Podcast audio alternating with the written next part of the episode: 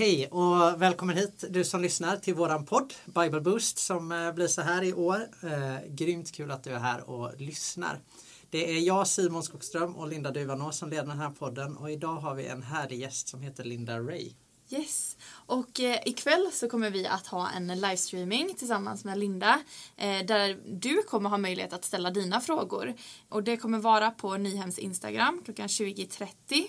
Eh, så om du kommer på frågor under ja, men den här poddavsnittet, skriv ner dem och så kommer vi att återkomma om hur du kommer kunna skicka in dem helt enkelt. Kul eh, Linda, speciellt jag sitter här med två Linda. Kul Linda Ja. att, eh, Linda Ray då att du är här. Eh, Ja. Kan du inte berätta bara lite kort om dig själv? Vem är du? Var bor du? Ja, vad gör du? Nej men jag heter då Linda Ray, är gift med en samoansk man.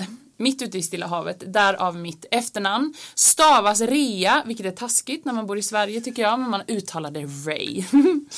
Jobbar som ungdomspastor i Ulriksbergskyrkan i Växjö och är 30 år gammal, har varit där sedan 2015.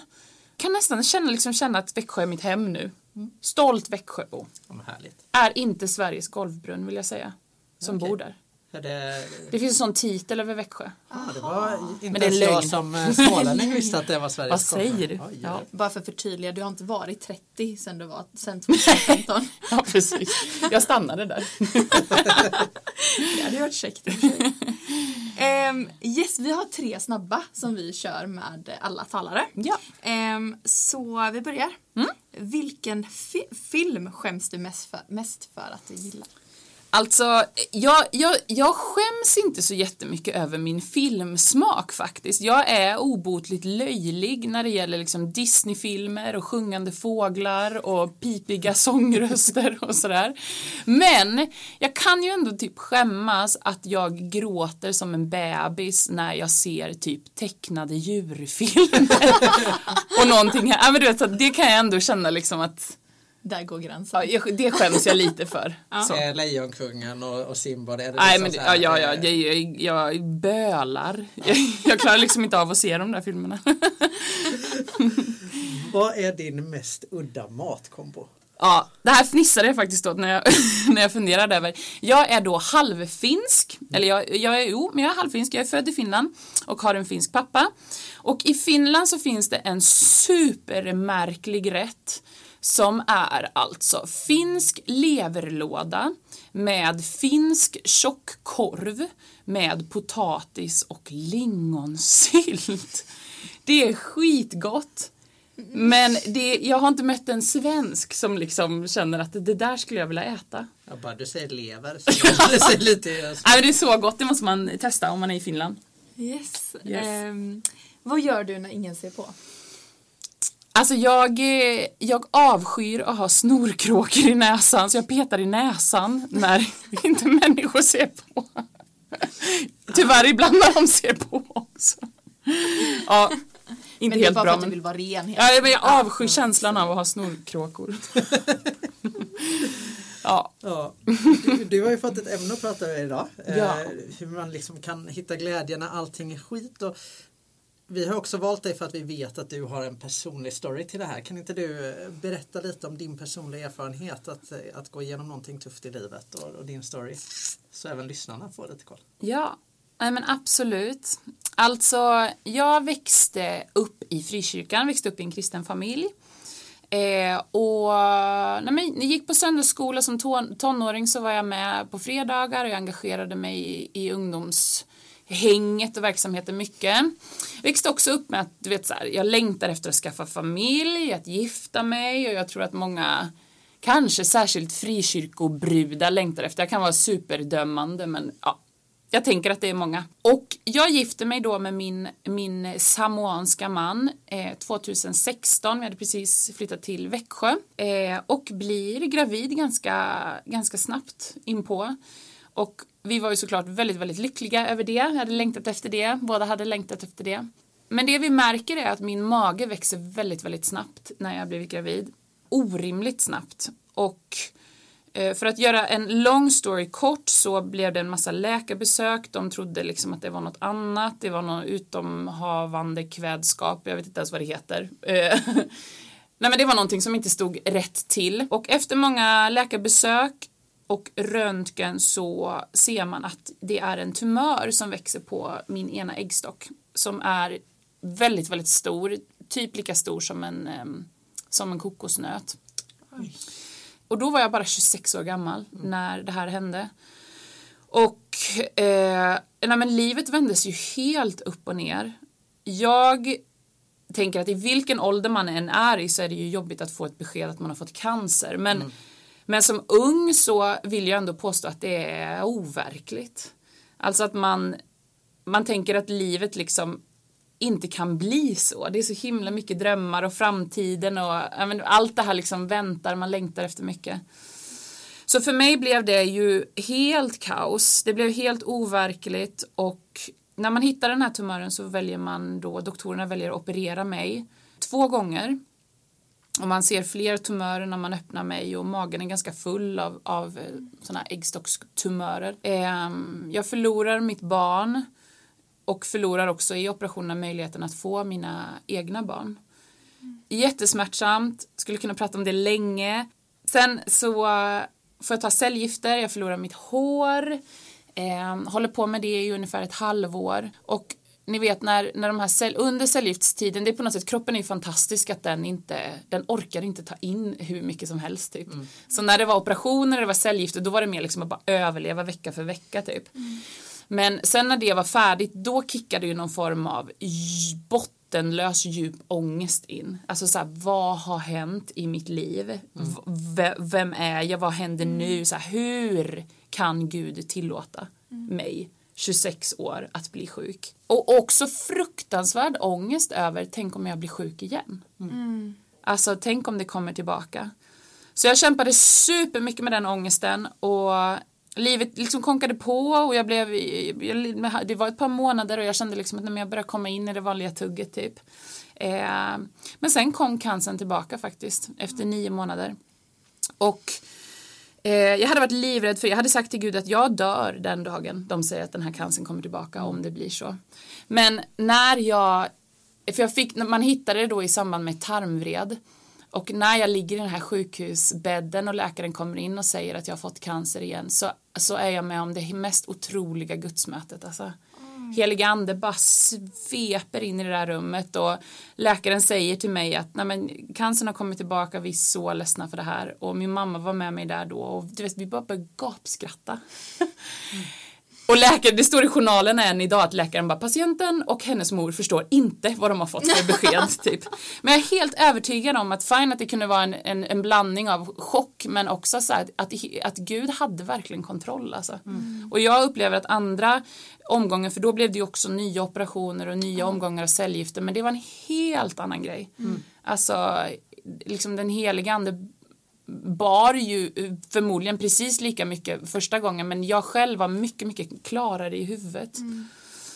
Så jättelång story kort. Nu har jag varit frisk i två år mm. och eh, kollas upp var tredje, var fjärde månad ungefär. Mm. Men känner att jag har superlivlust och mår väldigt, väldigt bra. Eh, och så. Men det har varit jättetuffa år. Hemska år. Mm. Verkligen. Oj, ja. Mm. Och, du, och du är ju inne på det här, hur kan Gud tillåta det här? Liksom?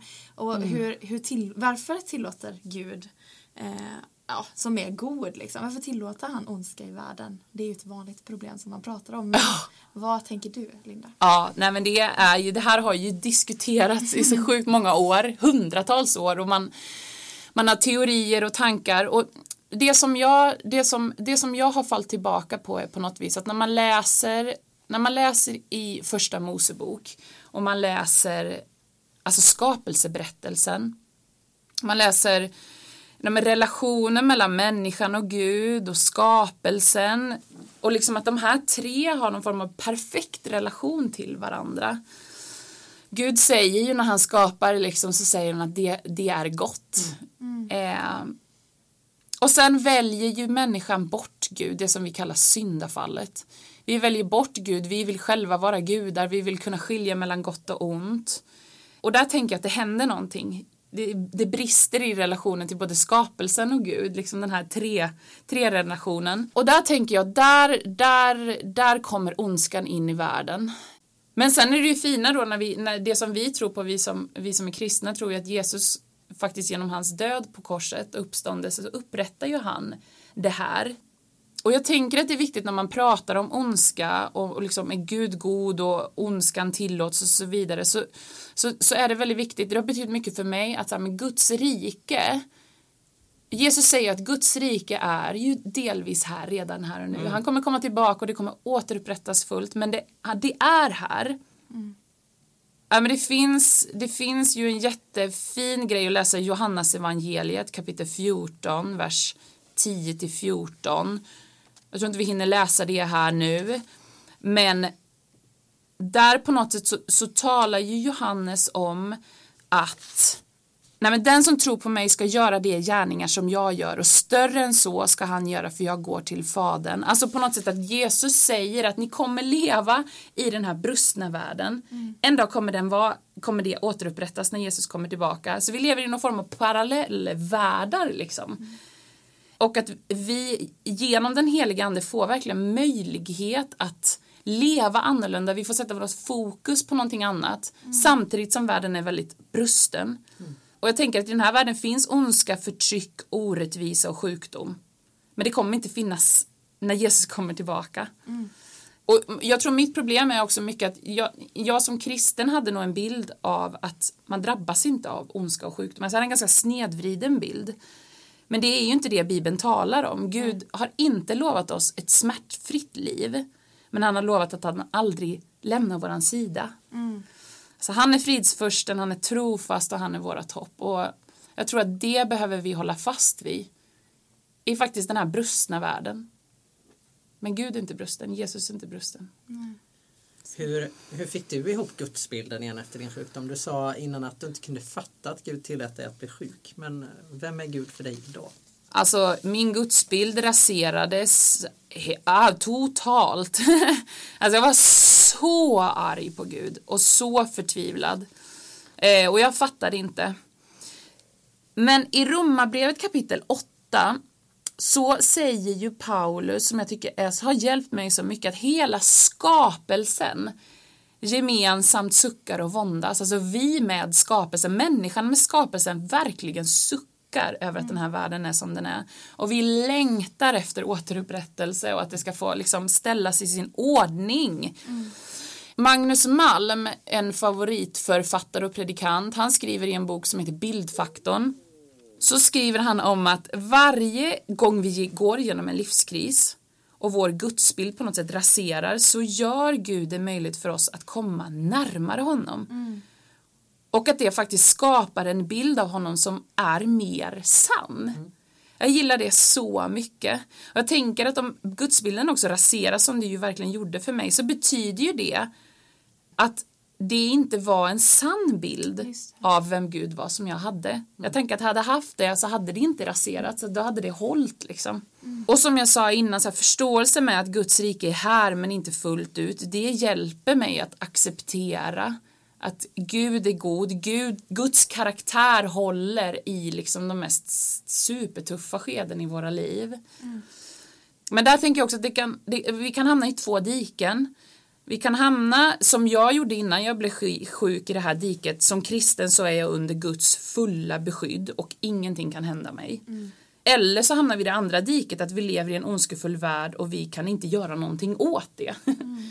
Utan vi behöver på något sätt som kristna hitta den här balansen mellan att men vi lever i en fruktansvärt ondskefull värld men vi lever också med Guds beskydd fast mm. vi är inte, vi är liksom inte immuna mot mm det. Jag har ingen bra eh, formel för det men jag tänker att vi alla behöver hitta den balansen i våra liv. Mm. Eh, och Gud, jag är helt övertygad om att Gud vill hjälpa oss med det. Mm.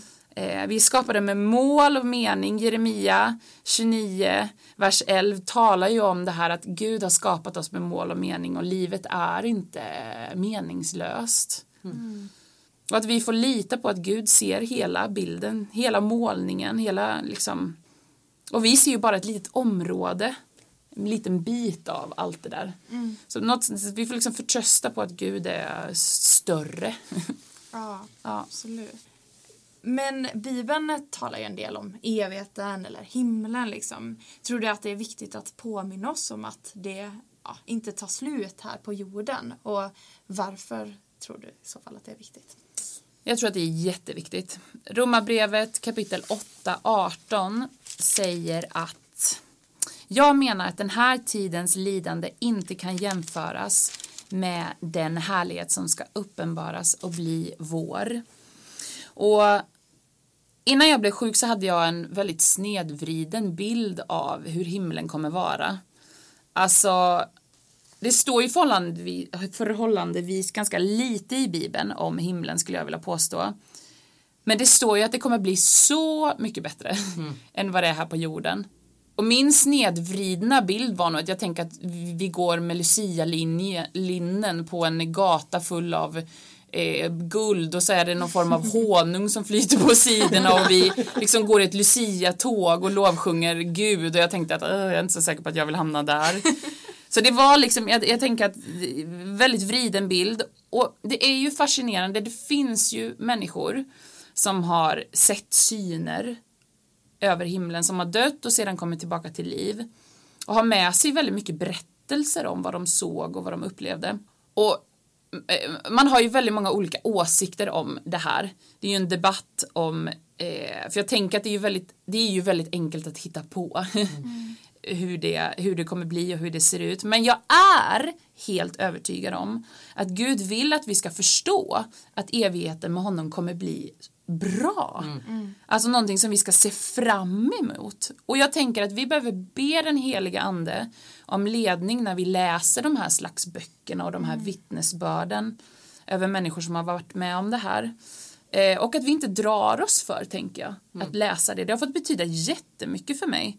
Eh, att få läsa och förstå och allt från att liksom hoppet med att nej men jag tror att jag kommer få leva evigheten med min bebis som jag förlorade där i början.